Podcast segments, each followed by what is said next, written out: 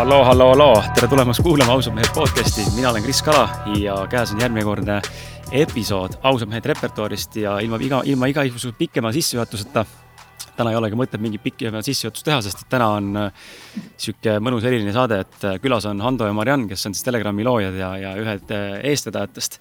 ja täna võtame ette sellise ma ei teagi, ei tahaks öelda nagu vandenõu, sest vandenõu on see, mida meie eest varjatakse, aga täna räägime asjadest nii, nagu asjad on ja nagu ikka siin saates on, et ja ausalt ja otse ja võimalikult äh, autentselt ja, ja läbipaistvalt, et see on see, see on selle saate eesmärk ja, ja niikaua, kui meil seda teha lubatakse lastakse, siis äh, me seda ka teeme.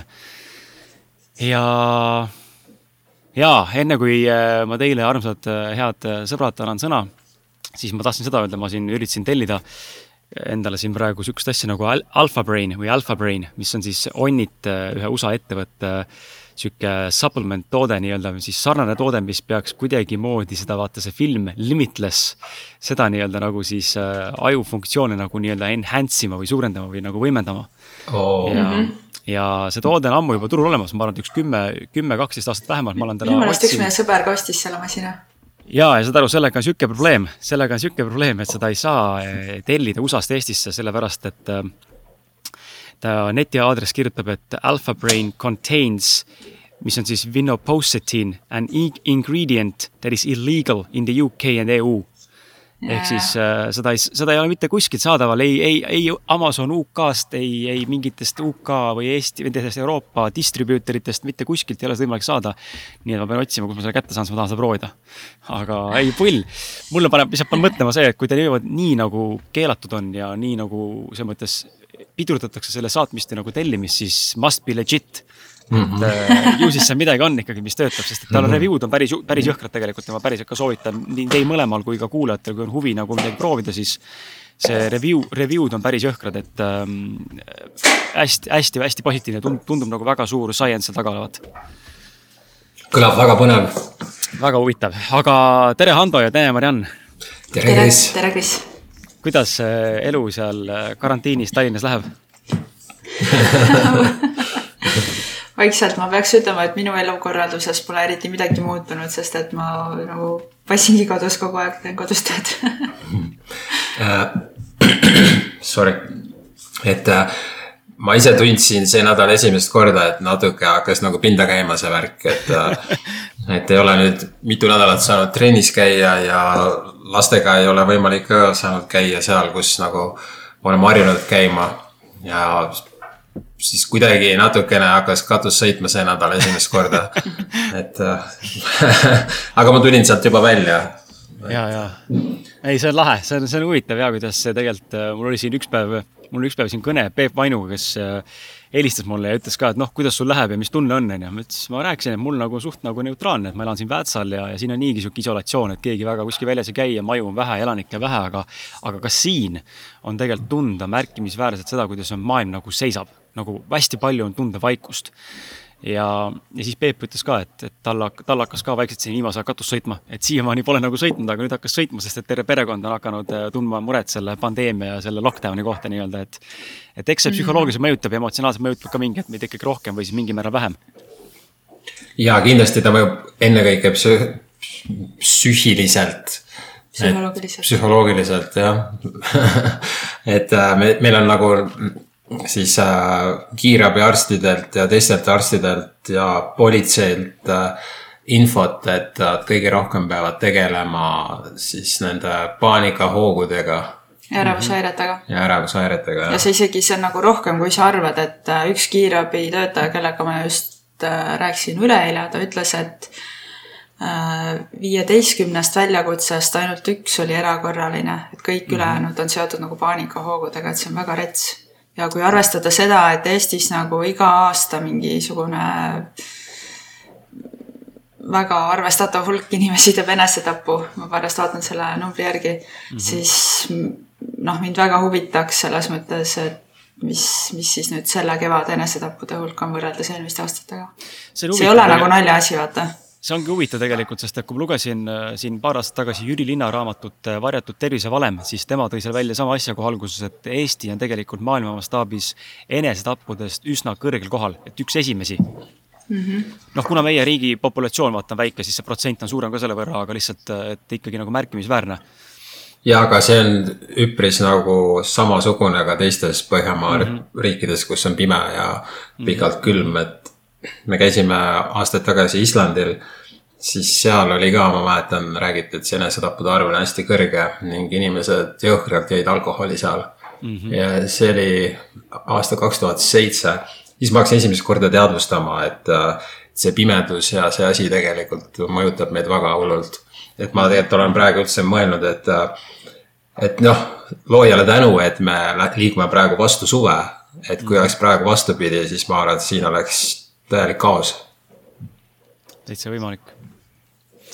huvitav on see, et äh, ma tõmban kohe sellesse tänasesse teemasse, tegelikult ma ei teagi, mis tänased teemad on, natuke teame, me räägime siin tõenäoliselt sellest viirusest, mis praegu siin toimub või noh, mitte viirusest või mis iganes asjad siin praegu käes on. Ja ja räägime siis äh, üleüldse, mis siin praegu toimub, mis saama hakkab, et äh, ma siin käisin üks äh, üleeile äkki või, üleeile käisin Väätsa poes siin oma kohalikus äh, aleviku väikses poes. Ja, ja ja siis äh, kuidagi tuli nagu, tulin poest välja ja noh, poes vaatlesin, et mis toimub nagu, et müüjatel on kummikindad käes, need kuradi plekkklaasid on ees, prillid on peas, onju, mask on ees, head kuradi kosmoses, kas skafandrid seljaspoole veel mm. -hmm. ja siis järjekordades on need kuradi, mis iganes need mingid asjad, teebid on maha pandud, et seiske kahemeetriste vahedega ja siis vaatasin kõrvalt kogu seda pulli, et nagu, et me oleme nagu nii kuuletuvad, sihuke nagu kukupaik, kõik nagu seisavad nagu viieliselt niimoodi ja keegi midagi teha ei julge ja siis astusin välja ja siis kõndisin koju vankriga ja siis mõtlesin, et täitsa perses, et aga meid on nagu pandud, et kui oletame, kui seda viirust ei olegi olemas, et siis on ju meid pandud ühiskonda ja maailma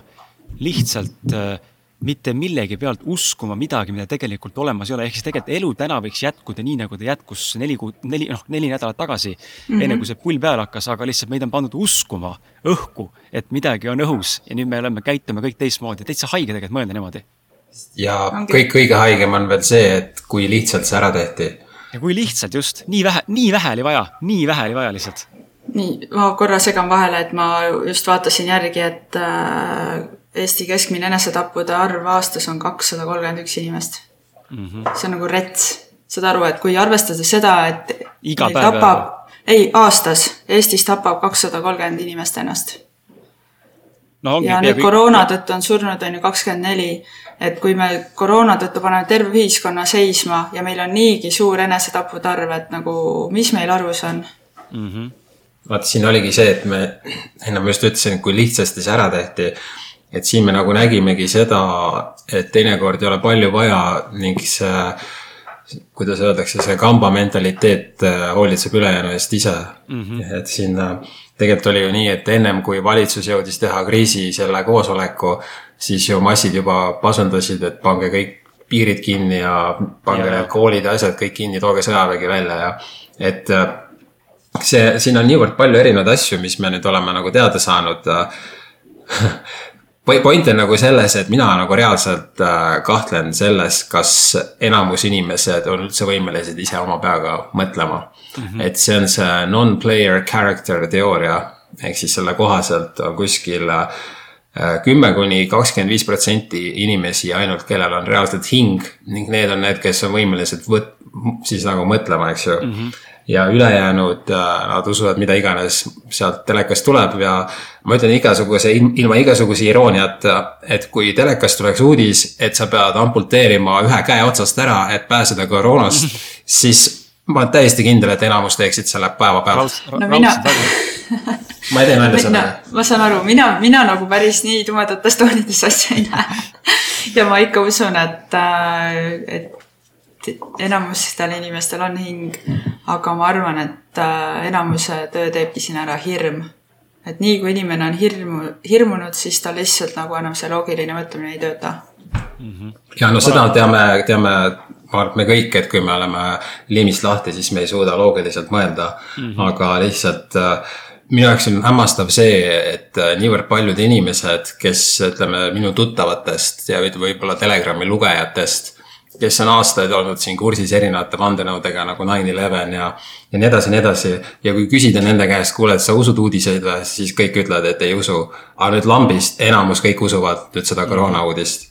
Et siis ma nagu, ma olen täiesti hämmingus, et äh, siin loomulikult siin on pöördumatud tagajärjed, on eks ju see majandus ja kõik, mis siin võib-olla meil mingid õigused võetakse ja piiratakse ja kõik siuksed asjad. aga minu jaoks endiselt kõige suurem, millega mina pean tegelema omaenda sees, on see, et need enamusolendid minu ümber ei ole päris samasugused olendid kui mina.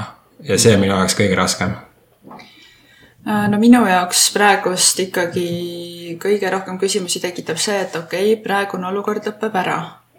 aga mis saab järgmine kord, et juba ju räägitakse sellest, et see viirus vaata ei kao kohe ära, on ju, et on kuskil seal peidus ja siis järgmine talv tuleb uuesti mm. -hmm. et kas siis järgmine talv meil on see lockdown nagu novembrist kuni aprillini või, et pool aastat lihtsalt passimegi kodus või? vot ei tea. kas nagu... inimesed saavad aru, et noh, äkki ei pea kodus olema mm? -hmm mis mind hämmastas, oli see, et ma kirjutasin eile, oli, eh, tähendab nüüd ma ei tea, millal see saade välja tuleb, aga ma siin mõnda aega tagasi kirjutasin Facebooki ühe postituse selle kohta ja, ja siis ma kirjutasin, nagu jagasin Aigi videot ja siis natukene äh, panin enda mõtted kokku koos äh, ühe Juhan Noode nimelise noormehega, kes on Indoneesiast meie saateid kuulamas ja on ka sihuke vandenõude või noh, mitte isegi uurija, aga nagu on kursis asjadega, mis tegelikult võivad olla täiesti reaalsed asjad. ja, ja siis kirjutasin ka sellest samast teemast, et huvitav on näha, kuidas see just see ennustus nii-öelda selle Eesti peaarsti poolt, kes ta on, see Popov või mis ta nimi on mm. -hmm. et Arkadi Popov jah, et kuidas see vend nii-öelda jutumärkides siis ennustas ette seda, et on tulemas viirus ja siis viidi läbi meditsiinitöötajatele koolitus, kuidas tulla toime viirusega, mis tuleb Aasiast Euroopasse ja siis oli ette nähtud väidetavalt veel koolitus või nagu nii-öelda workshop justkui sama mehe poolt siis, kuidas eh, pandeemiaga nii-öelda tulla toime Eestis ja seda mm -hmm. pandeemiat eh, koolitust ei tulnud, väidetavalt siis sellepärast, et see asi jõudis kätte realiseeruda. ja siis nagu selle venna vastus, kus kuskilt välja võeti jutumärkides tsiteerituna oli nagu, oli nagu selles mõttes huvitav, et, et see pidi varem või hiljem juhtuma, noh mm. -hmm. nagu lihtsalt mind paneb nagu imestama, kuidas me, kuidas me nagu, mind ajab just nagu, ma tunnen, mind ajab närvi nagu mind ajab nagu närvi mingil määral see, et, et kuidas äh, suured meediaväljaanded julgevad inimestele väita, et nemad äh, räägivad tõde ja samal ajal, kui keegi räägib midagi vastupidist, siis see on kohe valeinfo. jah kas sa, sa, Kris, kindlasti panid tähele, et nüüd Delfi on Facebooki ametlik koostööpartner? ja, ja ma kirjutasin. et nemad on siis nüüd ametlikud, on ju, need faktikontrollijad et see perses. ongi nagu noh, mis õigusega sina ütled, et mis on õige, mis on vale nagu. eriti, ma, see on nii naljakas, et kui sa oled nagu meediaväljaanne, äh, mis noh, kuidas sa saad võtta nagu sellise positsiooni, et nüüd sina oled see, kes paigistab mm? -hmm ma ei tea, kas meie kuulajad üldse, kuna meil ei ole nagu tegelikult saade Ausad mehed ei ole selles mõttes otseselt seotud kuidagi vandenõu või, või sellise, selle suunitlusega nii-öelda, aga võib-olla teeme nagu väikse siukse seletuse, et teie, teie abiga on hea teha seda, et ähm, kõige lihtsamal tasandil, kuidas seletada inimesele, tänasele kuulajale, kes meid kuulab, ma usun, et enamik on kuulnud seda sõna vandenõu ja, ja kindlasti mõned on kursis, aga et mis asi üldse on see vandenõu, sest et ma näen, et me tegelikult ju loome iga, noh, me, ma ise täna osalen vandenõu loomises, ma töötan meediaagentuuris, ma näen seda, mida me teeme. see, mida sina näed, kuidas äh, mingit inimest meedias kajastatakse, ei ole tegelikult see, kuidas tegelikult asjad käivad, et äh, ma ei saa kõiki detaile siin rääkida veel, sest me töötame seal, aga need asjad ei ole päris nii, nagu sulle tundub, et äh,, et lihtsalt äh, mind nagu, kui me räägime tavalisest ettevõtlusest, siis äh, ettevõtte omanik või tegevjuht ilmselgelt teab rohkem, kui teab koristaja või tavaline kassiir kuskil Rimis mm. -hmm. see on juba vandenõu, sest see on infosulg. et äh, kuidas teie no nagu selles mõttes kõige lihtsam vandenõu näide on see, et äh, lapsevanem teab, et jõuluvana ei ole olemas mm. -hmm. aga ta räägib lapsele, et on jõuluvana ja päkapikud käivad ja see on, see on hea näide, see on hea näide no siin, kui me räägime sellest äh, koroona vandenõust, siis äh, ma arvan, et me peaksime võib-olla alustama sellest üldse, et kui me vaatame nagu ametlikke numbreid ja statistikat, siis äh, käesoleval lõppeval gripihooajal ei olnud nagu haigeid ja hukkunuid rohkem kui varasematel aastatel. tegelikult isegi on vähem olnud see aasta, sellepärast et nii leebe talv oli. et eelmine aasta oli mingi peaaegu kuuskümmend hukkunut, siis surnud ja ma peaksin mainima ka seda, et väga suur osa nendest gripihaigetest on alati olnud kopsupõletiku tüsistusega, ehk siis midagi sarnast nagu praegu, on ju. ja need numbrid on samamoodi kõikjal maailmas, et äh, meil oli hästi soe talv ja vähemalt siin Euroopas oli see hästi soe ja kõik need mm. samamoodi statistika seal Saksamaal ja kohtades on samamoodi, et äh, need äh, varasemad gripihooaja need ohvrid on palju suuremad olnud mm. -hmm. et vaata, see aasta nüüd praegu vähemalt täna ma ei tea, täna hommikul muidugi ei vaadanud, eile õhtuse seisuga oli gripp ja koroona kokku surnuid äh, kolmkümmend viis. eelmisel aastal oli viiskümmend seitse vist ja üle-eelmine aasta oli palju rohkem, siis oli kaheksakümmend viis või midagi sihukest. et noh, isegi hästi nagu läinud see aasta. no ja kui võtta see Eesti number üks surmapõhjustaja, milleks on alkoholism, siis noh, seal lähevad numbrid mingi tuhandeni välja ju mm. -hmm. no ta ei ole kõige suurem, ikka südamehaigused on rohkem ja vähk aga alkohol on väga suur osa. nojah, aga ma mõtlen seda, et kui sa paned siin terve maailma kinni mm -hmm. ja siis kõrval on alkoholipoed no,, alkoholid on kõik lahti, mis põhjustavad kordades rohkem surnumasid, siis no millest me siin üldse no, räägime? päevas sureb vaata alkoholi tõttu kaks kuni neli inimest. ja ütleme Eestis, Eestis. Eestis, Eestis ehk siis keskmiselt tuhat inimest aastas. Ja keegi ei tee teist nägugi ja isegi propageeritakse alkoholi, et see aitab koroona vastu ja no ikka kõik on täitsa tagurpidi siin maailmas. aga tagurpidi on kõik ju sellepärast, et äh, seal on ju raha, mida pumbata mm. -hmm see on jälle üks, see on jälle üks huvitav asi, ma segan korra su vahele, ma siin, ma vaatan, vaatan, kas ma leian üles selle ma arvan, ma niimoodi ei leia, ma isegi ei hakka otsima, aga mulle kirjutas üks tüdruk, ma ei mäleta, mis postitus ma tegin kuskil Facebooki, ma kirjutasin, aa, see oli see video, kus ma tegin enda alla, et äh, mul on pohhu, mis see koroonaviirus on et ma, ma ei tea, ma ei tea, mis see on ja mind ei huvita, mis see on. mis väga paljude inimeste jaoks sõna-sõnaliselt võttes jätab mulje, nagu ma olekski aju, ajudebiilik ja ma elangi äh, kuskil metsas ja, ja mind ei huvita ainult äh, podcast mm -hmm. ja, ja ma ei tea, mis iganes veel ta kirjutas mulle pärast, ta käivitus nii kõvasti, et ta kirjutas mulle pika Facebooki kirja ja kui ma kirja lugema hakkasin, siis ma sain aru, miks ta käivitus. ta on meditsiinitöötaja ja, ja, ja ta töötab, siis kuskil, õpib, õpib nii-öelda apteekriks ja siis räägib, kuidas, üritas mulle seletada, et kõik on äri ja ikkagi tegelikult me ravime inimesi ja me aitame inimesi ja ühesõnaga mm -hmm. ma nägin, et ta on nagu täiesti pseudopestud selle asja poolt ja, ja siis ma. ei no ongi nagu... seal väga paljud inimesed, nad ju noh, usuvadki, et nad teevad. usuvadki, mm -hmm ja see on kõige kurvem ongi see, et tegelikult ma ei taha nagu öelda ühegi meditsiinitöötaja kohta midagi halba ja ma ei ütlegi, ma saan aru, nad teevad oma tööd ja nad on tublid inimesed, aga nad ei tea, mis ei toimub tegelikult. jah, ja no. mul on kõik, mul ongi nii kahju sellest, et need paljud meditsiinitöötajad on ju ennast nagu enda perest ära lõiganud, vaata. mõned ei mm -hmm. ole mhm. oma lapsi ja abikaasat näinud juba mingi kaks kuni neli nädalat, on ju. ja see ongi nii kohutav. ja see on lihtsalt noh, see, mis ühiskond ise on nõudnud, vaata, et paneme kõik kinni ega need meditsiinitöötajad ju ka selles süüdi ei ole, see ongi kõik väga kohutav, noh, ma räägingi, et see ärevus, paanika, see, me, me kindlasti selle olukorraga siin tekitame neid enesetappusid juurde, see ei ole nagu üldse mingi küsimus. ja tegelikult, sorry, lõikame need välja, kogu aeg siin mingi raga on kurgus.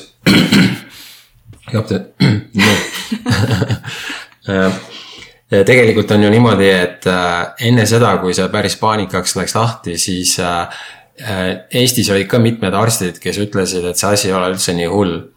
ja siis, kui siin rahvas tõmbas paanika ülesse, siis mitmed arstid nagu muutsid oma seda juttu mm. -hmm. lisaks on meil, äh, nagu ma alguses juba ütlesin, on need äh, kiirabiarstid öelnud, et asi ei ole sugugi nii hull, et nagu tavaline gripihooaeg ja noh, et. välja arvatud see, et ongi nagu mingi paanikahoogude laine ja, ja me põhimõtteliselt näemegi seda pealt, et äh, massid ise nagu paluvad seda, et see asi läheks edasi ja võtke veel neid meie õigusi ära ja nii edasi ja nii edasi. ja vaata, ennem ma rääkisin sellest äh, non-player character'i teooriast. ühesõnaga selle non-player character'i teooria kohaselt, äh, kuna nendel inimestel ei ole enda mõtteid, siis niipea, kui riik ütleb midagi neile ette, nagu praegu on juhtunud, siis nende jaoks on hetkel nagu jõulud ja nad saavad kingitusi. sest et nüüd on esimest korda, kus valitsus ütleb neile täpselt, mis kell sa tohid kuhugile minna, äh, kui kaua sa tohid seal olla, kellega sa tohid suhelda, mida sa ei tohi teha ja tal on reaalselt nagu elu parim hetk, sellepärast et äh, ta ei pea nagu mitte midagi ise pingutama mõtle, mõelda, eks ju. ja, ja siis tänu sellele, kui ta nüüd näeb, et nüüd kõik inimesed ei jälgi neid valitsuse käske, siis sealt hakkab nüüd ise nagu paugutama veel peale et äh, näe, vaata, tema ei tee ja nüüd hakatakse kituma ja vaata, nüüd ongi need mingid kitumisinfoliinid on tehtud. jah, mina ikkagi arvan, et see on hirm. ta lihtsalt kardab, ta tahab, et see asi ära lõpeks ja ta noh, me tegelikult ju kuulsime just, et politseisse või sinna hädaabisse väga suur osa kõnesid ongi naabri peale kaebamine mm. -hmm. teate, ma kuulsin, et mu naaber köhib, et palun tulge tehke talle test või teate, ma nägin, et mu naabrid läksid kolmekesi autosse. ja mis seal veel olid mingid need põhiasjad, üks oli veel. no tal tuli külaline. ja, et mu naabritel tulid külalised.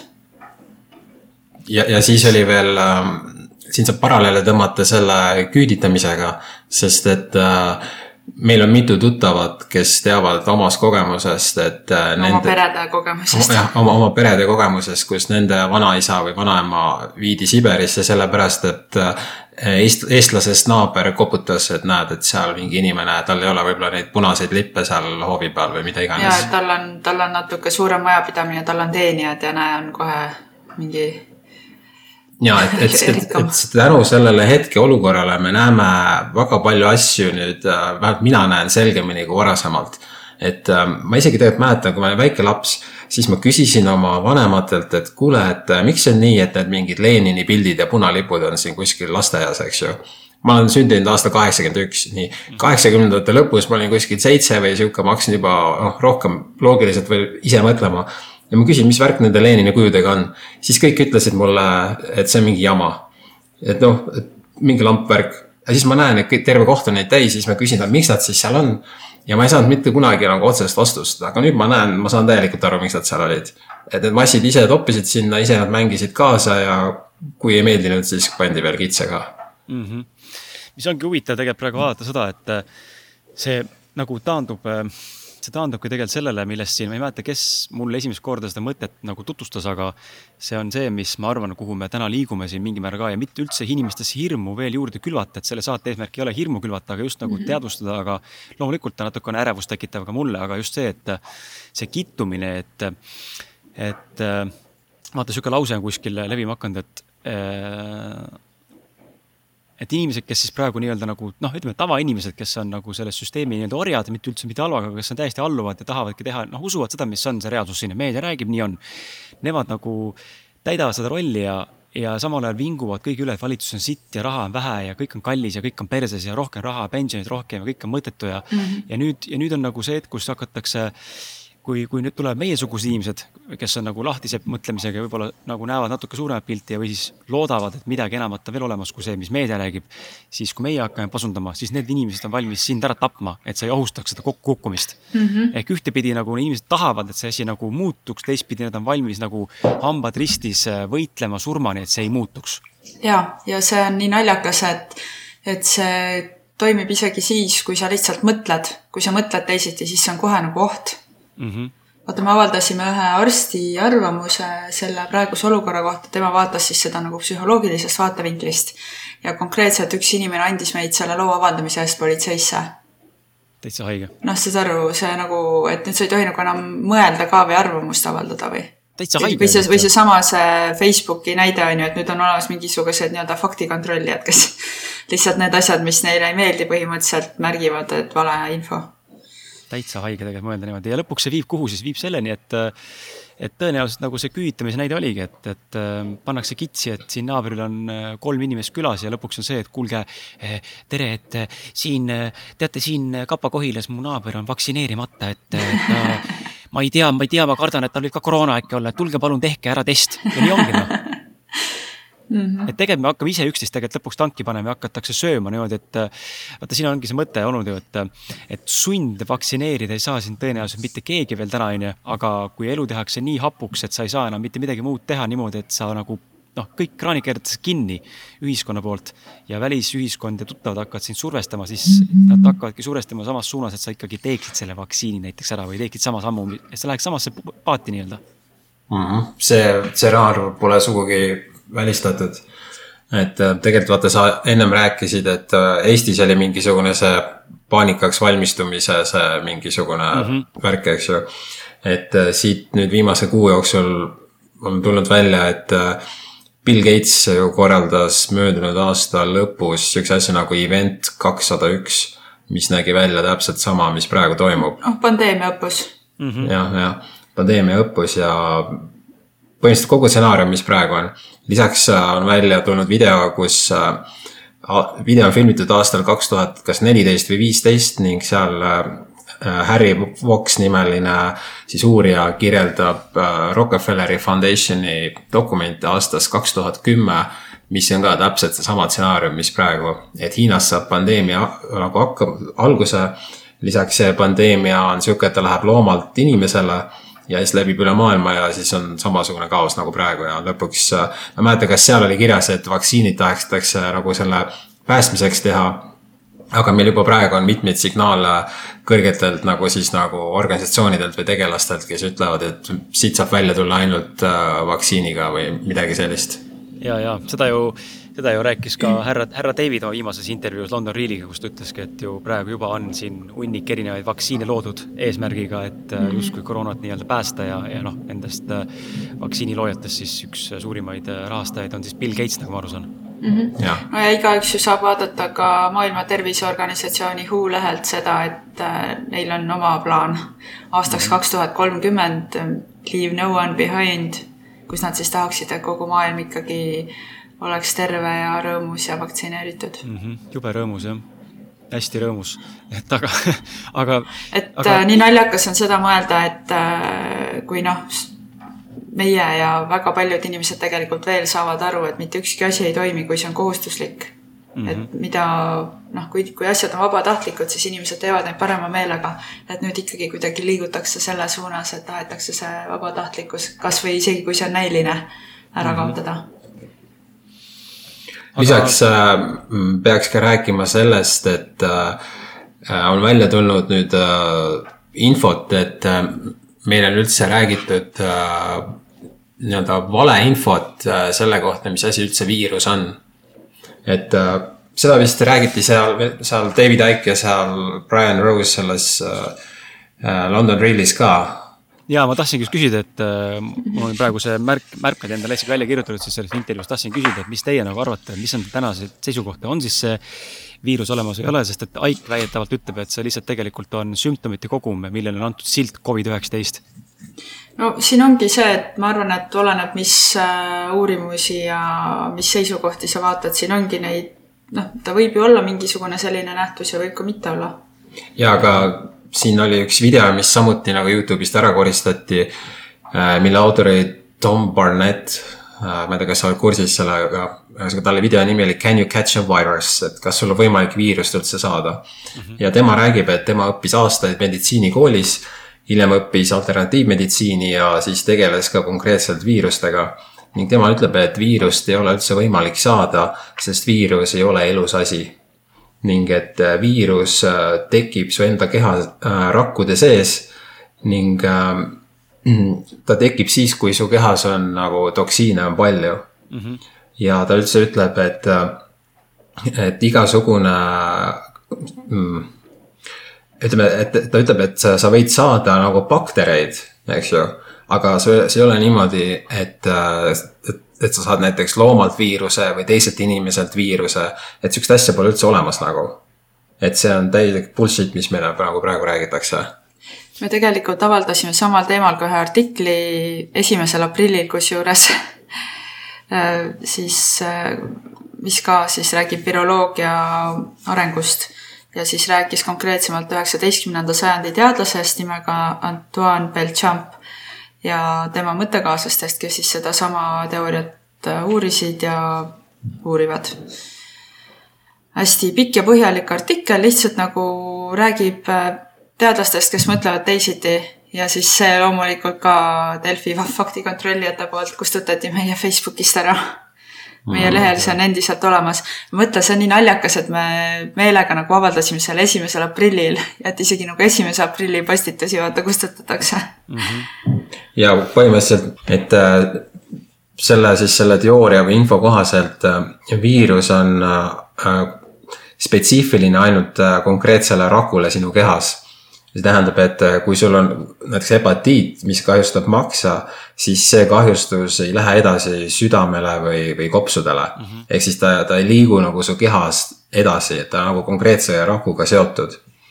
ning äh, sellepärast ei olegi võimalik saada mingisuguseid seagrippe või nahkhiiregrippe ja nii edasi ja nii edasi, et see on täielik jama kõik algusest lõpuni see on väga huvitav jah, sest et äh, Aiki, Aiki tegelikult rääkis põhimõtteliselt enda selles teises äh, London Reeli episoodis äh, suhteliselt sama asja, et, et see, kui rakk saab nii-öelda mürgitatud, siis vallandub sealt see mingisugune asi, mingi aine, ma ei mäleta, mis inglise nimetus oli, mille, mille põhjal siis nagu seda nii-öelda testiti selle RT, RT ja BRC masinaga mm. -hmm no siin on veel üks, üks terapeut rääkis meile, kuidas noh, loodusravi terapeut siis, et temal on tihtipeale olnud niimoodi, et tema kliendid siis, kellega ta suhtleb mõnikord ka telefoni või Skype'i teel, siis kui on noh, eestlased, kes elavad mitmel pool Euroopat, et siis ta näeb, et tihtipeale on nagu kuu aja jooksul mingi üks laine, mis liigub kõikides riikides.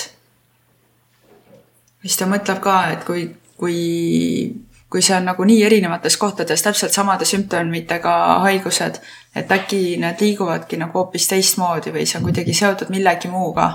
et lihtsalt me oleme kõik mingisuguses sarnases energiaväljas ja siis mingisugused viirused, mis niikuinii meie kehas alati olemas on, et need kõik aktiveeruvad nagu samal ajal et see, see ei pruugi olla üldse seotud mingi nakatumisega ka. samas võib-olla on, on ju, et me ei tea seda et praegust äh, me võime vaielda, vaata, et mis see viiruse olemus on, kas ta nakkab või ei nakka, aga kui me vaatame neid numbreid ikkagi on ju, tuleme tagasi sinna statistika juurde, siis ju mitte kuidagi, sorry, sa ei saa mul selgeks teha, et see koroona on ohtlik või et me peame sellepärast panema kogu ühiskonna noh, sulgema. sest mina ei tea siiamaani mitte kedagi, kellel see haigus oleks aga siis, kui on olnud suuremad gripihooajad, siis ma tean võib-olla sada inimest, kes on haige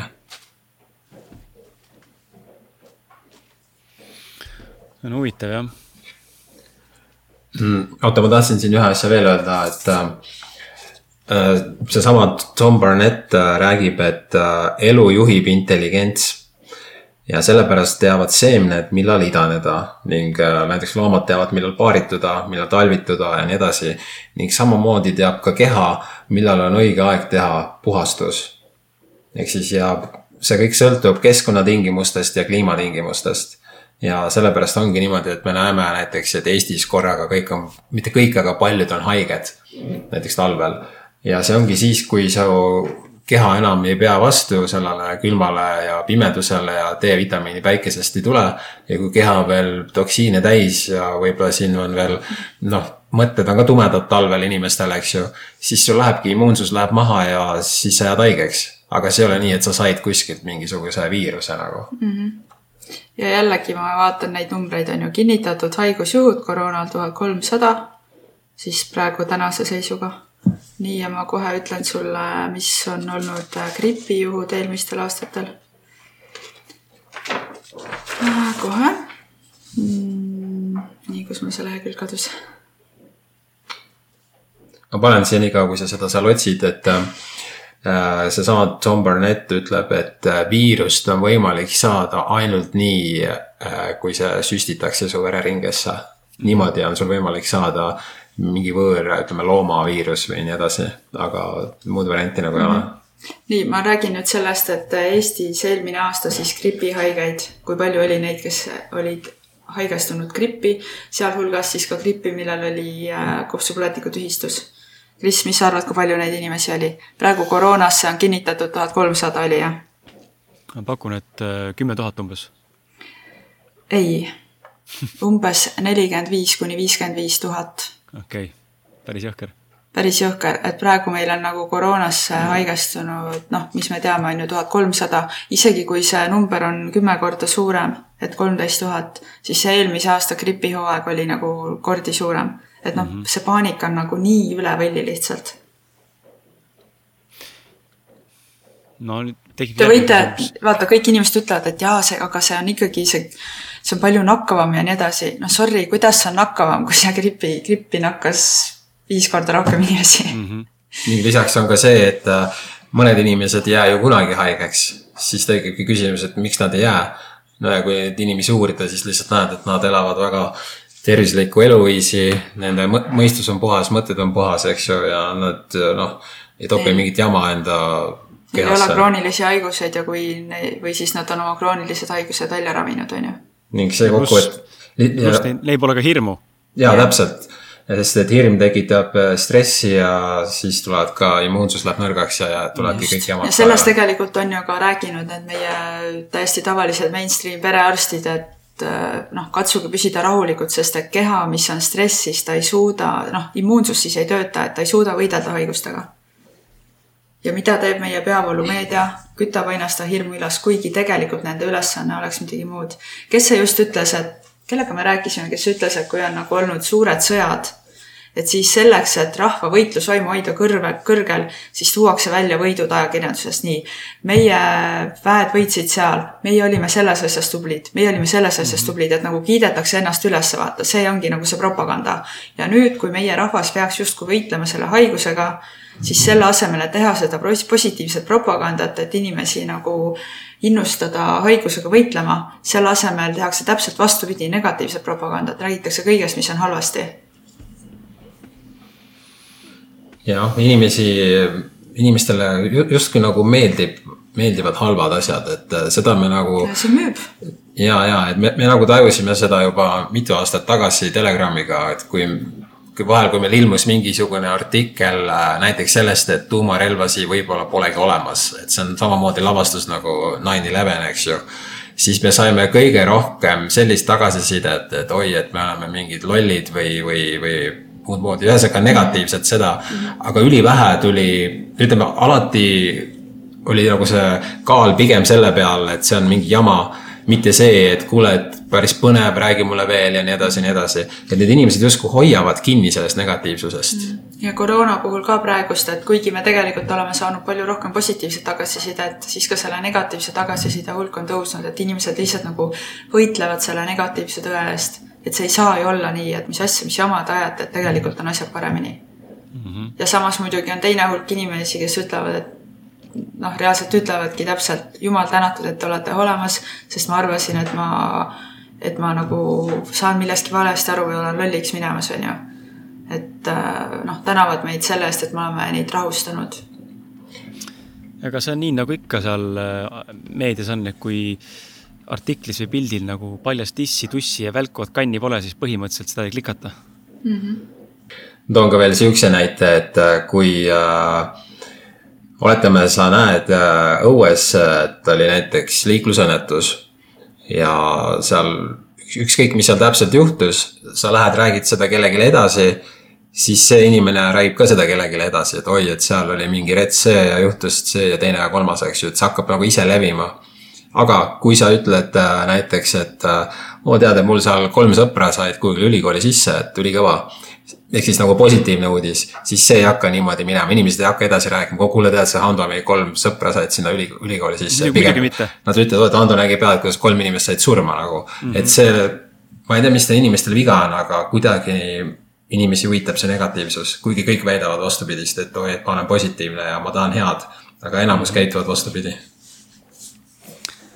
mis te, mis te ise arvate, mis selle tänase pulli eh, eesmärk on, et eh, on ta siis sundvaktsineerimine, on ta siis majandus, uus languse tekitamine, on ta uue, ma ei tea, digitaalvaluuta kasutuse võtmine või on kõik korraga, on ta 5G paigaldamine, mis, mis eesmärk on?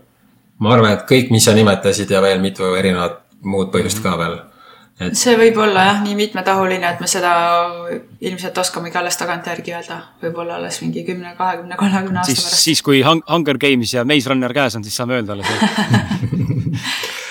ma ütleks võib-olla positiivsena sellise asja, et äh, mina näiteks usun, et äh, meie hinged on tulnud siia teadlikult. ja see tähendab seda, et vähemalt meie kolm, kes me hetkel siin räägime, meie tulime teadlikult siia keskkonda nüüd kas neid inimesi rahustama või kindlasti mingisugust rolli me siin omame ja me tegime seda teadlikult ja ma arvan ka, et nüüd need inimesed, kes meid kuulavad, tegelikult tegid teadlikult, et siia keskkonda tänasel ajal nagu sündida. ma arvan, et kõik inimesed on selle otsuse teinud, ka need, kes mm. ei ole teadlikud no nüüd ongi see, et kas, kas see non-player character'i teooria eksisteerib või mitte, eks ju sest tegelikult on ju, meid on tegelikult hästi palju. meil kõigil on erinevad rollid, okei okay,, meie ja sina siin räägime praegu ju podcast'is on ju, mida kuulavad paljud inimesed. aga tegelikult on ka neid teisi, kes, kellel igalühel on oma roll täita ja kes, kes tegelikult noh, täidavadki kõik sedasama missiooni ja absoluutselt ja see, see, see roll, mis on siin nii-öelda, mis mulle hakkab täna nagu tunduma ka, et mulle endale tundub nagu, et et ma ise arvan ka seda, et me kõik oleme siia teadlikult äh, otsustanud ja, vabatahtlikult valinud tulla, äh, teades, missugune sitaauk meid ees tegelikult ootab siin, et äh, aga samal ajal on eesmärk siis kas seda asja siin toetada, selle vastu olla nii-öelda siis või siis ollagi mhm. need non, non, non-character või siis nii-öelda see siuksed nagu limbo vahepealsed inimesed, kes lihtsalt nagu on, mhm. on nagu asu nagu lihtsalt nagu tühja koha nagu täited, lihtsalt, lihtsalt eksisteerivad kuidagi selles süsteemis ja, ja mis mulle ka endale tundub, ongi see, et äh, tihtipeale inimesed otsivad vaata hästi mingit sihukest nagu kõrget äh, missioonitunnet, et oi, ma pean siin tegema, kui ma Telegrami umbes ei tee või kui ma ikka podcast'i ei tee või kirjanik ei ole või muusik ei ole, siis ma olen ikka mõttetu inimene et äh, inimesed nagu tahavad, äh, millegipärast mulle tundub, et tahavad ennast võrrelda nende inimestega, kes teevad midagi, kes on leidnud juba enda mingisuguse tee või etapi oma elus. nagu meie kolm näiteks täna, võib-olla see on muutunud meie kõigi jaoks. et inimesed võrdlevad ennast meiega ja siis nad vaatavad, et aga mina ei tee ju midagi erilist, järelikult mul ei olegi mingit eesmärki, aga tegelikult nende eesmärk võib-olla on lihtsalt ollagi koristaja. nagu see on nende fucking job ja see on kõik, mis nad tegelikult võib-olla tegema peavad. et võib-olla kõik see... on seotud sellega. jah, ma ütleks, et äh, kõik, kõik ongi nagu täpselt sama olulised sest et Vahet nagu pol... meid ei eksisteeriks ju, kui ei oleks meie lugejaid ja ausad mehed podcast'i ei eksisteeriks, kui sul ei oleks kuulajaid. kõik loovad seda, kõik ongi täpselt sama olulised. Mhm. -huh. et nagu iga inimese, mis iganes ta teeb, kõik ongi väga oluline. ja minu meelest ikkagi noh, me oleme küll hästi tumedatest toonidest praegu siin rääkinud, aga tegelikult äh, minu meelest on täpselt sama ilus aeg praegu kui kõik muud teised ajad lihtsalt sellepärast, et äh, praegu me, on see aeg, kus me saame nagu endale otsa vaadata ja, ja mõista, et mis, mis me nagu tegelikult teeme või. sest et ma ei tea, minu sees on küll ikkagi viimase kuu aega olnud äh, võib-olla isegi natuke suurem rahu kui tavaliselt, sellepärast et, et ma saan aru, et ma saan nagu hakkama et meie elud on nagu olnud üsna ebakindlad terve selle Telegrami aja lihtsalt sellepärast, et me oleme nagu valinud niisuguse tee, kus me mis ei ole alati lihtne. ja selle jaoks minu jaoks, sellepärast minu jaoks praegune olukord on nagu üsna lihtne üle elada. ma saan aru, et inimeste jaoks, kes on nagu olnud hästi stabiilses elus, et nüüd neil ongi nagu raske, aga noh, ma võiksin öelda kõigile, et me tegelikult oleme võimelised niisuguste olukordadega üsna lihtsalt hakkama saama mm. -hmm. siin ongi. ma olen ise ka, kuigi ma ütlesin vaata alguses, et mul see nädal esimest korda tundsin, et äh, läheb natuke pingeliseks enda pea sees. siis äh, ütleme, sihuke viimase kuu keskmine on mul kindlasti olnud see, et ma olen palju rahulikum ja, ja ma olen tundnud tänutunnet rohkem kui võib-olla kuu või kaks varem. tänutunnet siis nende asjade osas, mis mul nagu on. et ähm, mingid probleemid, mis tundusid paar kuud tagasi nagu jõhkrad, nagu need on, võib täitsa ära kadunud, mõned asjad nagu. et äh, ta on nagu korralik sihuke külm dušš, mis praegu nagu toimub mm. -hmm. vaata, ma mainisin enne siin äh, seda majandust, et huvitav, mis see, mis see nagu majandus tahab nagu teha ja, ja noh, ühtepidi see väide, et meid tahetakse äh, negatiivses toonis, siis meid tahetakse justkui vabaduse mõttes nagu piirama hakata, kui me vaatame praegu, mis ettevõtluses Eestis toimub, üldse maailmas, siis väga palju on pankrotistumist ja nii-öelda nagu ikkagi noh, ikkagi pannakse uksed kinni asjadel. ja inimestel on raske ja raskem kui kaks tuhat kaheksa aasta masu ajal tõenäoliselt, et ähm,. Peep Vain, mul tuleb praegu meelde, ütles ka mulle sedasama asja, ta, ta arvab, et see, mis siin praegu toimub, et äh, me sellest taastume ikkagi, ikkagi sitaks ja see saab olema päris kõva katsumus inimeste jaoks. aga teistpidi jällegi mulle tundub tegelikult, et see on ideaalne aeg nagu Mariann ütles ka, see on ideaalne aeg tegelikult vaadata ka seda, kuidas, eh, kuidas siit selles uues majandussüsteemis praegu välja kasvamas on või mis, mida, mida luuakse nii-öelda siis kas meie heaks, meie, meie nagu mitte hüvanguks nii-öelda siis. see on meie enda otsus, et sellega kas kaasa minna või sellest kuidagi hakkama saada ja midagi uut looma hakata, sest et tegelikult põhimõtteliselt me alustame nullist kahtlemata ja, et siin on äh, pöördumatud tagajärjed, ükskõik kui kaua see asi siin kestab, eks ju, see lockdown. -hmm. kas ta läheb hullemaks või mitte, teatud asjad ei ole enam kunagi enam endised, aga selle eest tuleb uusi ja paremaid lahendusi. ja ma arvan, et võitjad on need, kes suudavad jääda rahulikuks ja olla nagu vaatleja rollis ning äh, genereerida siit välja uusi ideid mm. -hmm.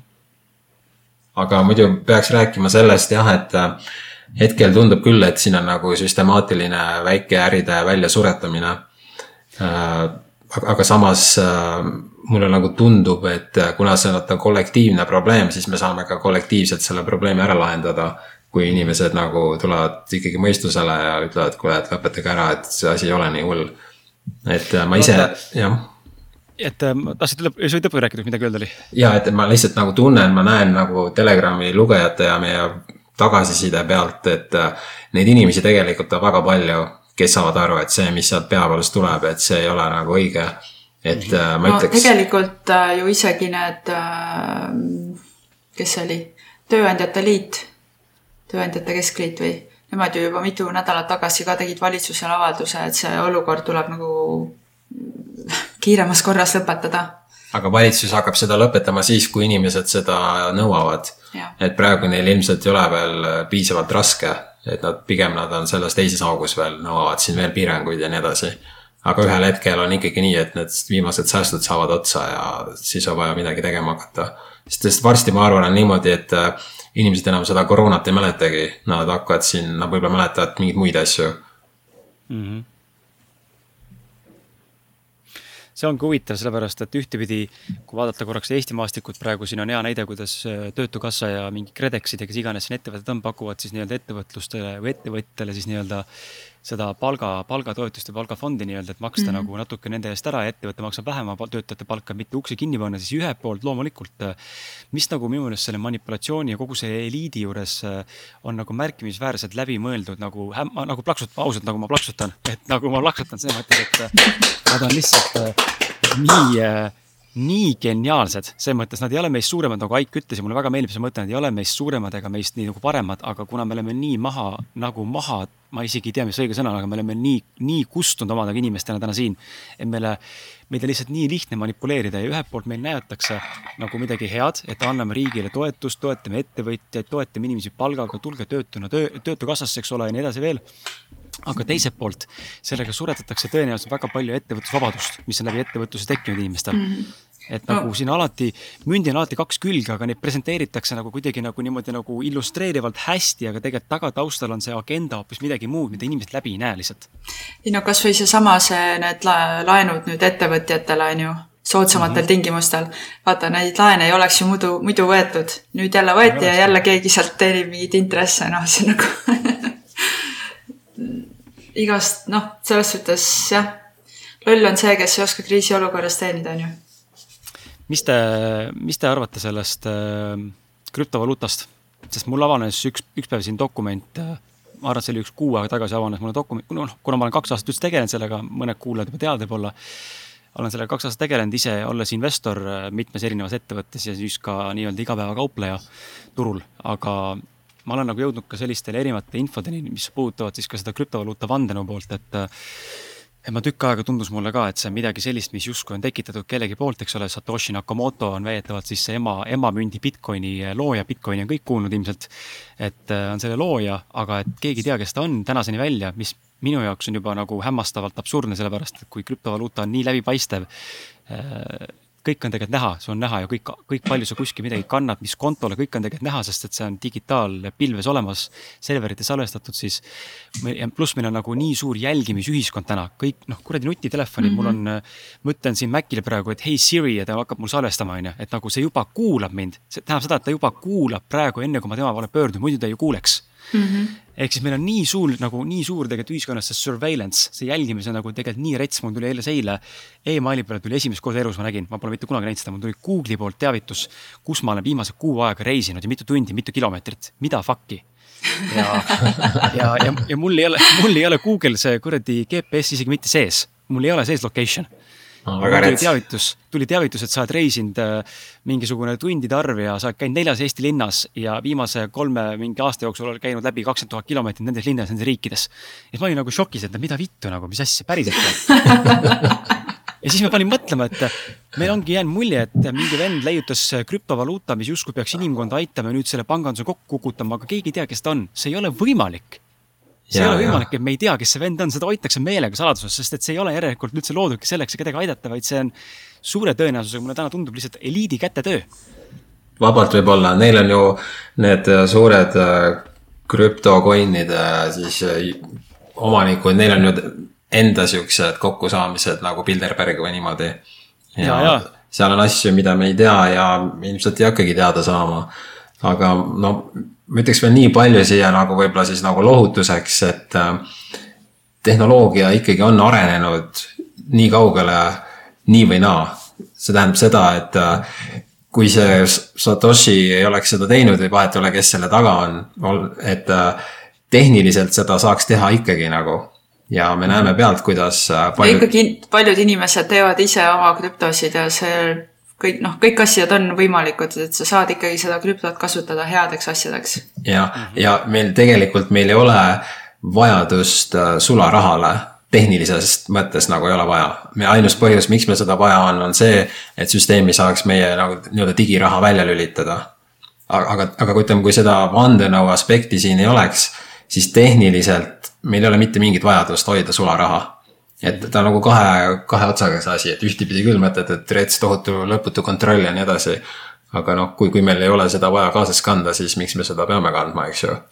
ja, ja selle sularahaga tuleb mul, tuleb nagu mul see ka veel meelde, et äh, vaata täna, kui mina annan, annan teile sulas tonni, siis mitte keegi seda ei fikseeri Mm -hmm. ja, ja aga kui me oleme digitaalajastul, kus sularaha puudub, siis kõik on jälgitav ja selle pealt saab hakata tulumaksu kõvasti kärpima, mida täna ei tehta mm. -hmm. et äh, see pani ka mind mõtlema jälle, et huvitav, et hmm, et okei okay., aga miks ma tahtsin üldse seda krüptot mainida, on see, et äh, Bitcoin loodi aasta kaks tuhat, mis ta oli, kaks tuhat kümme või kaks tuhat seitse või kaks tuhat kaheksa, midagi taolist vist. kuskil seal, üheksa vist või kuskil seal. aga ma leidsin dokumendi netist, äh, ma leidsin dokumendi, ma pean otsima, äkki ma leian uuesti üles selle, aga ma leidsin dokumendi, kus oli väidetavalt Ameerika valitsuse poolt allkirjastatud, ma ei mäleta, kes see allkirjastas oli seal, mingisugune Wise keegi oli seal.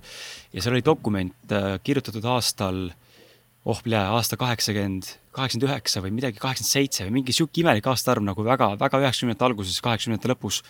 ja oli kirjas, et äh, luuakse, et on välja arendatud äh,, mis äh, nagu krüptograafiline nii-öelda nagu valuuta, kus siis äh, inimesed äh, tegutsevad maailmas digitaalselt äh,, numbriliselt kuskil netis läbi krüptograafiliste andmebaaside mm. -hmm. ja see oli, see oli dokument kirjutatud enne, kui Bitcoin loodi, kolmteist aastat enne mm. -hmm ta oli, ma vist olen näinud, ta oli isegi selle mingi ajakirja esikaanel oli see mm. -hmm. et see võis olla kas Time Magazine, võib-olla eksin, aga ma olen seda kuskil näinud jah, ja seal see logo oli ka natuke Bitcoini sarnane, see krüpto mingi logo, mis seal peal oli. aga noh, ma tulen taaskord tagasi selle juurde, et ta kaheksakümnendate lõpuks oli juba internet tegelikult oli olemas, mitte küll sellisel kujul nagu praegu, aga ütleme, ta ikkagi eksisteeris ja email'e sai ka saata. et äh, need inimesed, kes nagu tegelesid nagu äh, infotehnoloogia nagu sektoris, et seal juba, eks nende vahel hakkas ideid juba tulema ammu, mida kõike on võimalik sellega tegelikult teha. et äh, vahet ei ole, kes selle lõi. et äh, ma arvan, et siin on sihuke kollektiivne teadvus ja inimesed, kes on selle süsteemi sees, nad hakkavad juba ise looma neid asju nii või naa. kas te ise olete need, need, hääl hakkas murduma, väga lahe, et kas te olete need, need inimesed ka, kes siis ootavad seda digitaalset ajastut ja olete krüptosse investeerinud ja pigem, pigem te arvate, et äh, krüpto on lihtsalt üks äh, ütleme, sild, äh, ajutine sild võib-olla tulevase digitaalvaluutale? ma arvan, et krüpto ei võta kogu asja üle täielikult mm. -hmm. ta kindlasti jääb, nagu jäävad ka need ülejäänud aktsiad ja kõik siuksed asjad nagu ja ma arvan, et on väga okei okay,, kui enda siis nagu äh, raha või vara jaotada ära erinevatesse kohtadesse. et noh, lihtsalt kindluse mõttes, et mitte hoida kõike ühes kohas, et äh, ma arvan, et krüpto on okei okay asi, aga ma tean, et seal on väga palju nii-öelda scam coin'e äh, millel puudub igasugune siis nagu tegelik plaan või seal ei ole mhm. community't ja nii edasi ja nii edasi. et ma soovitan, keda, kes tahab nagu investeerida, et ta peaks kindlasti teadma, kuhu ta investeerib ja miks ja nii edasi et nagu lampi kuhugile panna, et seda ma ei soovita mm. -hmm ja mina võiks veel nii palju öelda selle digitaalse ajastu kohta, et mina nagu selles mõttes olen traditsiooniline, et ma, et näiteks raamatute osas ma loen paberit ja mm -hmm. mulle meeldib sularaha nojaa, aga sa ei kasuta ikkagi väga palju sularaha, pigem enamus, mis sa töötad ikkagi kaardiga, kuigi sulle võib-olla meeldib sularaha seda küll. aga noh, kokkuvõttes, äh, kui sa küsid, kas me ootame seda Retsi revolutsiooni, ma arvan, et me otseselt ei oota küll, et mm -hmm. me oleme siin peal, lendame teistega kaasa, nagu on. ja ma arvan, et siin ei olegi väga palju kaasa nagu, kuidas öelda, rääkida sel teemal. mulle tundub lihtsalt, siin on niivõrd suured süsteemid, mis on meist mm -hmm. nii peajagu üle, et äh, me oleme nagu väiksed, kohati võib-olla siis nagu need non-player character'id. ja, ja. et, et jah, pigem, pigem, pigem et... elus ongi see, et sa saad olla kindel ainult muutustes mm. -hmm. et mida paremini sa adapteerud, seda lihtsam sul on hakkama saada maailmas. jaa mul selle krüpto lõpetuseks ma ise näen, et mis mulle endale tundub nagu huvitav, et on see, et et nii nagu paljud investorid täna on öelnud ka, et et aeg, et see aeg, kus praegu võimalik nende hindade juures krüptovaluutasse uuesti taas täna investeerida, on, et need hinnad, mis on täna, neid ilmselt me mitte kunagi enam siin paari aasta pärast ei näe. Et ja mis mind ennast nagu mõtlema paneb, mind ennast pani mõtlema just see, et et võib-olla isegi kui krüpto ei võta nagu täielikult üle, siis, siis äh, fiat ja kõik jääb alles ja võib-olla tõesti poes hinnad on ka endiselt kõik on eurodes ja kõik on poundides ja dollarites vastavalt riigile või vastavalt siis, äh, ma ei tea, maailma jaole, kuidas iganes lõpuks jaotub siin. aga et võib-olla läbi, läbi selle krüpto nagu nii-öelda siis selle plokiahela, mis süsteemi praegu luuakse ja mida ka Facebook kasutab ja kõik kasutusele võtavad praegu siin igal pool Äh, et võib-olla läbi selle siis hakkab käima nagu see network nii-öelda, et ta on nagu sihuke vahe, vahe nagu platvorm, mis võimaldab teha mingisuguseid makseid või ülekandeid mm -hmm. või, või nagu kuidagi, et ta aitab nagu vahe, ta loob nagu süsteemi, mille läbi, mille siis fiat ja krüpto omavahel nagu saavad väga hästi töötada, sest täna tegelikult sellist süsteemi veel ei ole. Ja mul siin on uudis praegu, uudis lahti siin praegu, ma nägin eile mul siin üks krüptogrupp, kus jagatakse infot ka, siin on uudis antud üles äh,. et Bank of America confirms partnership with Ripple ja ma nägin üks päev, kuu aega tagasi kuskil nägin, kuidas äh, seesama ettevõte äh, Bank of America otsis endale Ripple Networki ehk siis Ripple võrgustiku plokiahela loomisele executive manager'i tööle mm. -hmm. ja see, see pani jälle mõtlema, et türa küll, et tegelikult ikka vist liigume, et ma pigem, ma pigem nagu selles mõttes tunnen, pigem olen nagu kaasas sellega, kui, kui nagu astun välja ja ütlen, et mina sellega kaasa ei lähe. ja, ja, ja, sest see tuleb nii või naa küsimus on just ainult millal. jah, et see tuleb nii või naa, et pigem siis muutusega kaasa minna, kohaneda ja, ja kui see ongi meie orjastamise viis, noh siis tuleb teha muud kalkulatsioonid ümber pärast sellest, aga mulle endale tundub nagu mingil määral fear of missing out või nagu sihuke FOMO on ju, et, et mis siis, kui ühel hetkel ongi see hetk käes, kus on ainult digitaalvaluuta ja sularahaga võib perset pühkida, siis on sitasti veits äh, ma arvan, et ei ole, et äh, kokkuvõttes äh, maksab see, mida me ise oskame teha et -hmm. kui sa, üks, meil kõigil on mingisugused anded, eks ju. jah, et sellepärast ikkagi iga inimene peaks võimalikult palju investeerima iseendasse. et ükskõik, mis juhtub, kui kõik kukub kokku, siis sa oskad midagi, millega sa oled teistele kasulik ja millega sa saad nagu noh, ennast ära elatada. et äh, kindlasti, äh, kui sul on natukenegi vaba raha, siis investeeri see pigem endasse kui mingisugusesse krüptosse mm, -hmm. millest ei tea ja noh see ei ole kindel asi nagu. Üldse igale poole investeerimine, on ta krüpto või mingid aktsiad ja värgid. nii et sa pead arvestama, et see, sa paned sinna sellise raha, mida sa ei oota tagasi. kui sa saad sealt midagi tagasi, väga tore, aga selle peale lootma jääda kindlasti pole mõtet. ei, absoluutselt, mitte miski pole kindel ja, aga ma tahtsin veel rääkida sihukesest asjast nagu sünkromüstisism. et äh, selle sündmusega, mis meil praegu nüüd toimub siin äh, koroona ehk siis uh, uus nine eleven, seekord on ta three eleven, sest et see pandeemia kuulutati välja üksteist märts. ehk -hmm. siis äh, kolm üksteist ehk kolmkümmend kolm ja kolmkümmend kolm on vaata see vabamüürlaste loosi kõige kõrgem nagu mhm. avalik see aste ja nüüd see kolmkümmend kolm, see number käib reetsilt palju igalt poolt läbi selle sündmusega. et algselt, kui tulid uudised, et uh, nüüd see levib igal pool, siis väga paljudes riikides või osariikides teatati, et oo, et äh, siin tuli kolmkümmend kolm uut nakatanut, Eestis oli kolmkümmend kolm nakatanut, mitmes osariigis, Venemaal oli kolmkümmend kolm nakatanut. Ja see kolmkümmend kolm kogu aeg käib läbi. lisaks oli äh, nüüd üks või kaks nädalat peale seda, kui see pandeemia välja kuulutati, siis järgmise või ülejärgmise nädala esmaspäeval, ma nüüd kuupäeva täpselt ei mäleta, aga üks nendest esmaspäevadest äh, tegi siis Wall Streetil see Dow Jonesi see, mis asi ta on, mingi aktsiafond või see asi tegi viimase kolmekümne kolme aasta suurima kukkumise. ehk siis jälle tuli see kolmkümmend kolm ning äh, öeldi, et ta kukkus kaks tuhat üheksasada üheksakümmend seitse punkti. aga kaks üheksa üheksa seitse on sama arv, mis väidetavalt nine elevenis hukkus inimesi. ja nine eleven on ka kolmekümne kolmega seotud, sest tornid olid püsti kolmkümmend kolm aastat. ja see kolmkümmend kolm käib igalt poolt läbi Äh, lisaks on äh, mingisugused raamatud on olemas. mul ei ole neid, kõiki neid andmeid siin ees, aga kaheksakümne esimesel aastal on pärit Hiina vist mingisugune raamat või novell, kus on ka nagu see koroona. see ei olnud Hiinas, see oli lihtsalt nagu no tavaline ingliskeelne raamat. jaa, aga see tuli nagu Hiinast, eks ju. siis on mingi muinasjutt, vaata. jah, see oli kirjastus Hiinast. jah mm, -hmm. siis oli muinasjutt äh, või mingi multikas, vaata, kus see peategelane oli koroona karantiinis. See oli, see oli äh, Rapuntseli multikas Tangled, Disney multikas, kus siis äh, peategelane on, on ju Rapuntsel, kes on nii-öelda karantiinis, ta oli siis vangis omaenda kodus ja see kuningriik, kus ta siis oli vangis, oli koroona. Oh..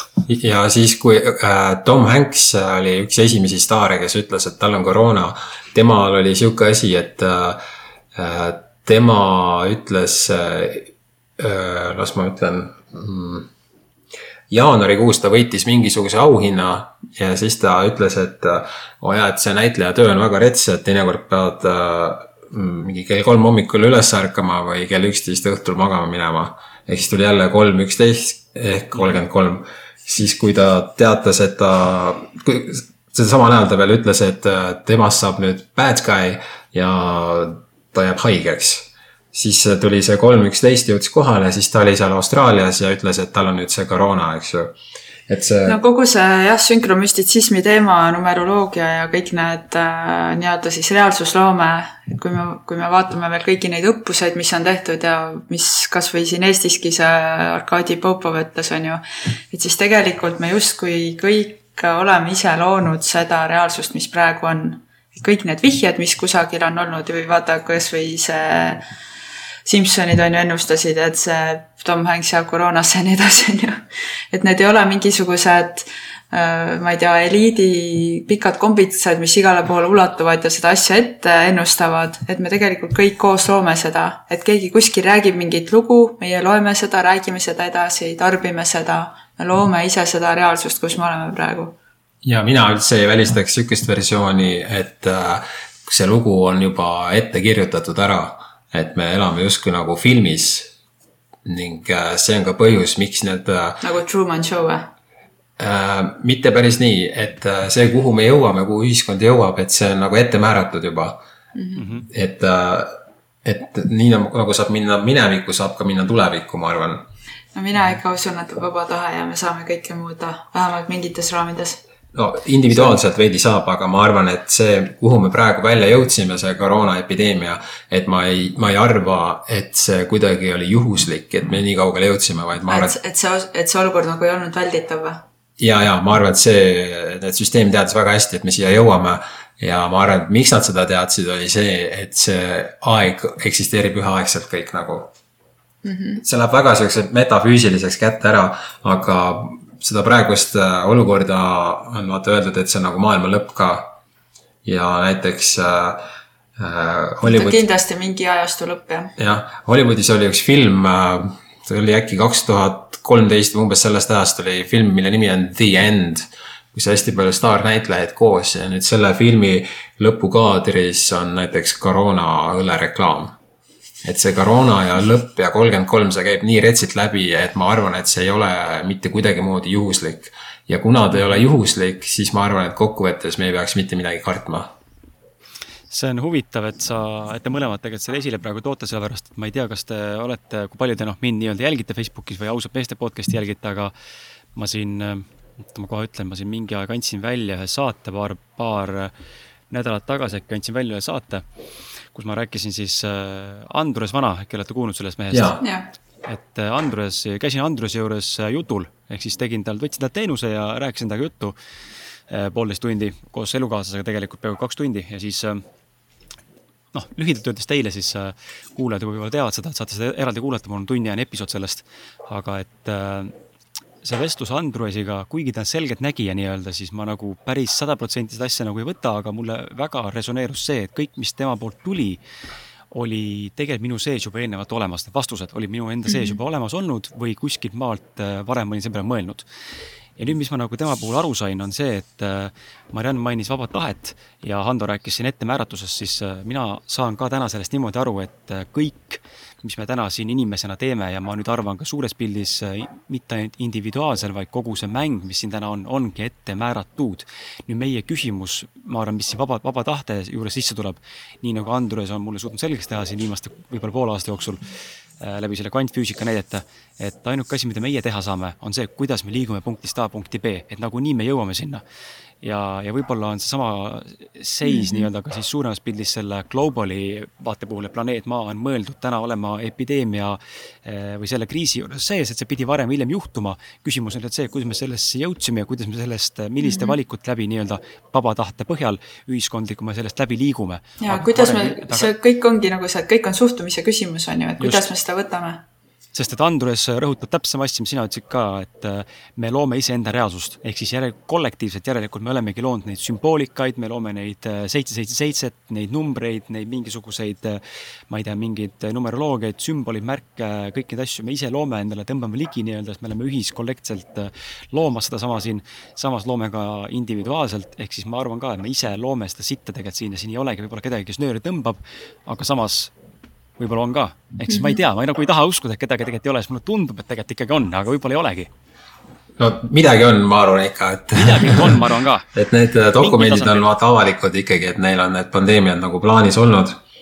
ja siin on selgelt näha, et äh, süsteem push ib neid vaktsiine ja äh, kodanikupalgast räägitakse. vaata, kodanikupalgast me ei ole veel siin podcast'is rääkinud, aga see on paratamatus, et ühiskond liigub sellises suunas, et äh, kõikidel, kõikidel inimestele tööd enam ei jätku, sest lihtsalt vaata automatiseerub kõik. ja antud olukord on nüüd hea ettekääne tuua kodanikupalk välja mis see kodanikupalk endast ette kujutab, see ongi siis umbes nagu Hunger Games, et sa saad mingi, igaüks saab nagu vahet pole, mis tööd sa teed inimesena ühiskonnas, sa saad lihtsalt võrdse palga või? Mm, see põhi kodanikupalkaga ongi niimoodi, et siin saab minna kahes suunas, et kas see on nüüd mingisugune kontrollmehhanism või nagu tegelikult need, kes kodanikupalga eest võitlevad, ütlevad, et see võiks olla tingimusteta mm. -hmm. et tingimusteta on minu arust väga okei okay,, kui me räägime üldse, et on olemas riik, et kui kui keegi arvab, et riik, riik peab nagu olema, siis äh, riik peaks vähemasti tagada selle ära, et inimestel on mingi soe vesi ja soe kodu ja mingid noh, elementaarsed asjad, eks ju, et need peaksid olema ikka tagatud.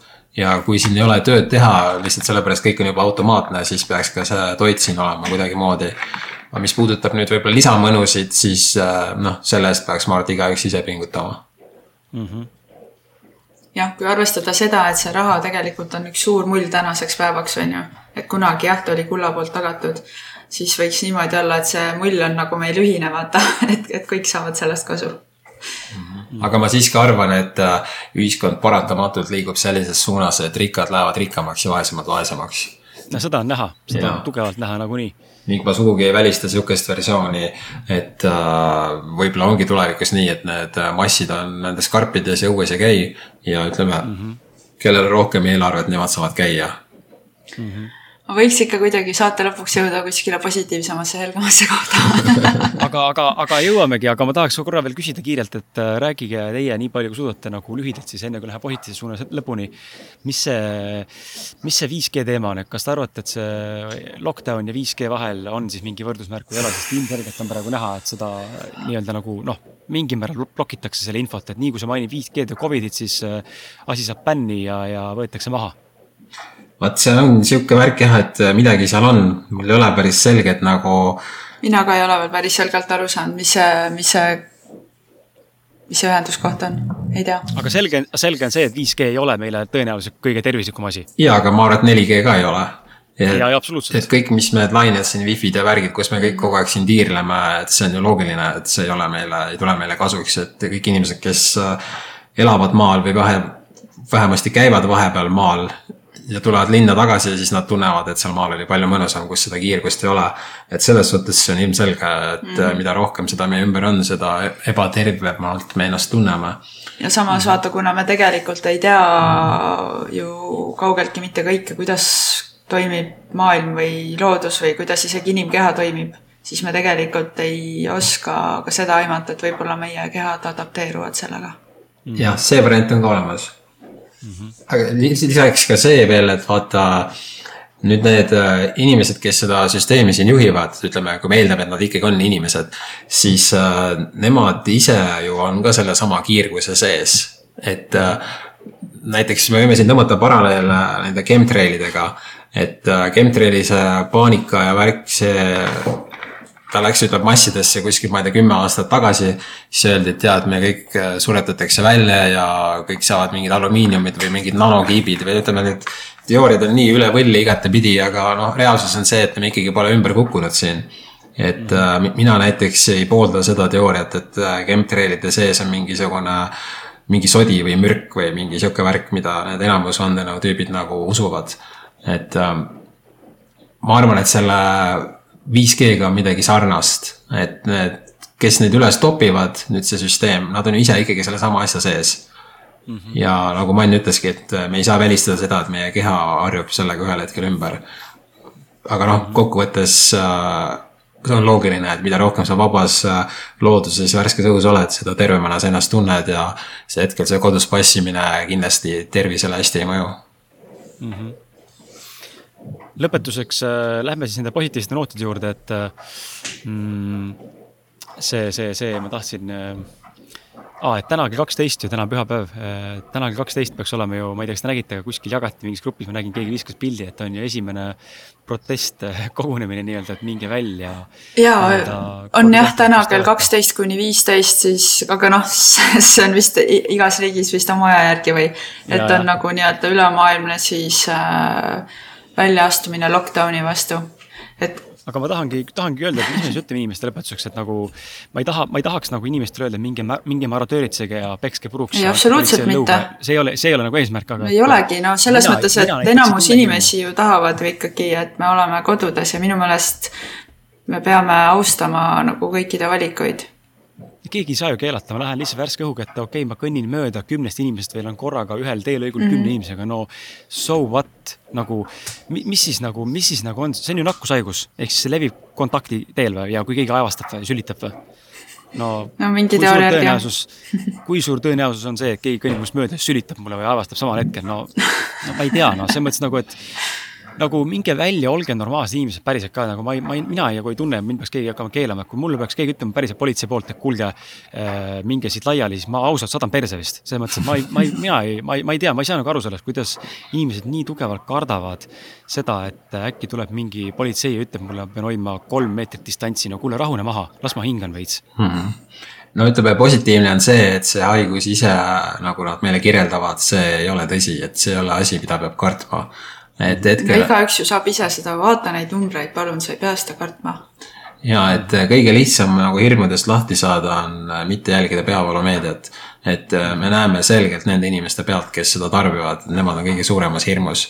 peavoolumeedia vaata tekitas selle mm, paanika soppamise ja kõik ülejäänud asjad. mida mina sain teada, et need poed, riiulid on tühjad sinu käest, vaata sa meile saatsid mingid pildid sealt Järve Selverist.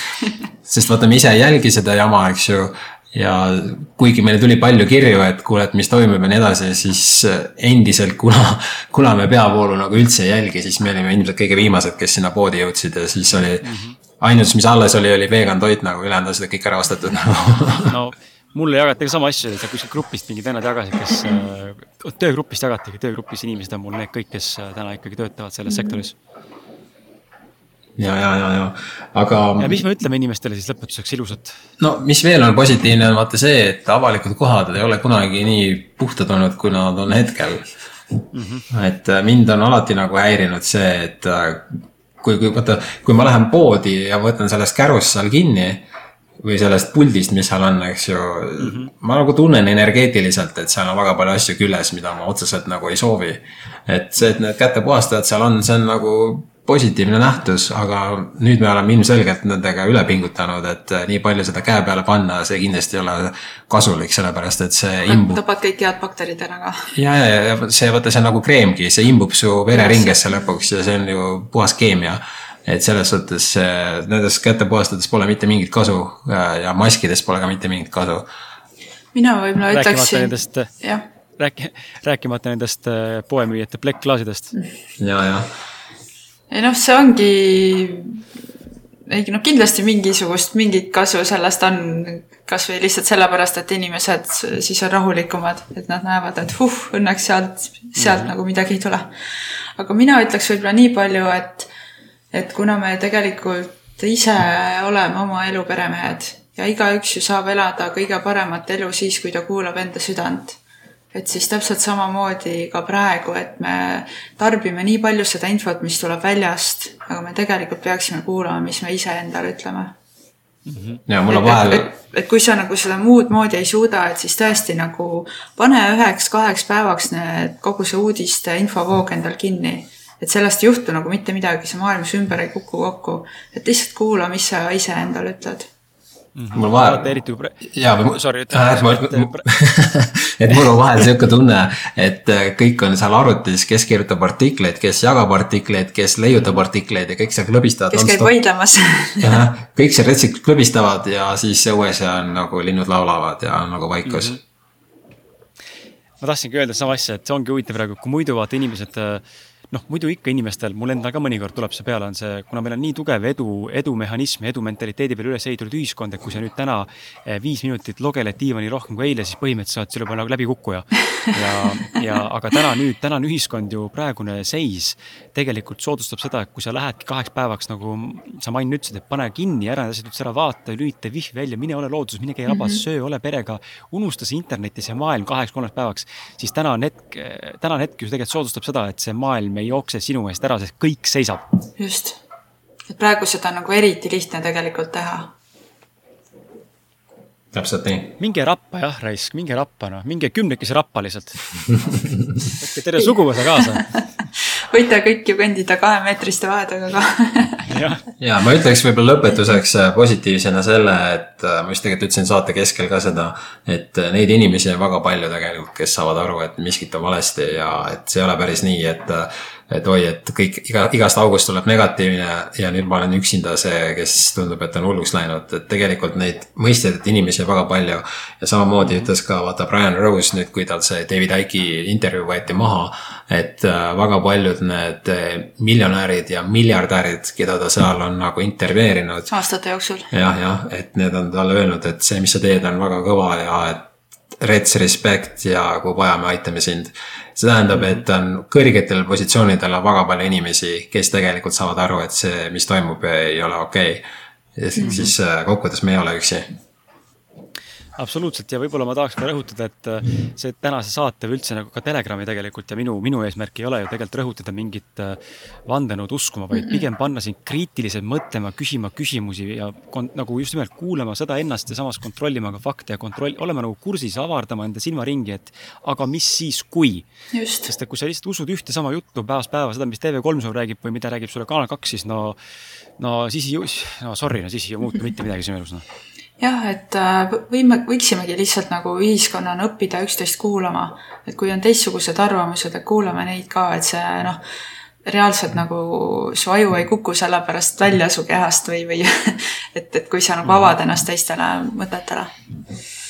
ja kui keegi peaks tahtma saada David Icke'i videot vaadata, siis äh, kas Telegramis on see praegu saadaval, ma tean, London Reelis on see üleval veel ja kui kellelgi ei ole, siis mul on fail olemas, ma võin jagada. London Reelis on see üleval, jah ja, ja ta on äh, BitChute'is on ka üleval ja mina tõmbasin ta alla Vimeost ise, BitChute'ist ei saa alla tõmmata seda äh,. vähemalt mina ei oska, võib-olla kuidagi saab. Vimeos enam ei ole, võeti maha ju. aa, võeti ära jah, ma tõmbasin ka alla ja ta võeti maha. jah aga London Reelis on. Tele, Telegrami lehel on ka, aga meil. täispikkus, sa panid meie serverisse üles või? ühesõnaga, mul on see fail olemas, vaatame üle, kui seda seal ei ole, siis me saame ta sinna upload ida nagu mm. -hmm, mm -hmm. et ja, et praegu on see aeg, et äh, mina download in kõik asjad ära, mis ma nagu vaatan, ma tavaliselt teengi üldse nii, et äh, kui on mingi teema, mis mind huvitab, ma panen ta kohe download peale.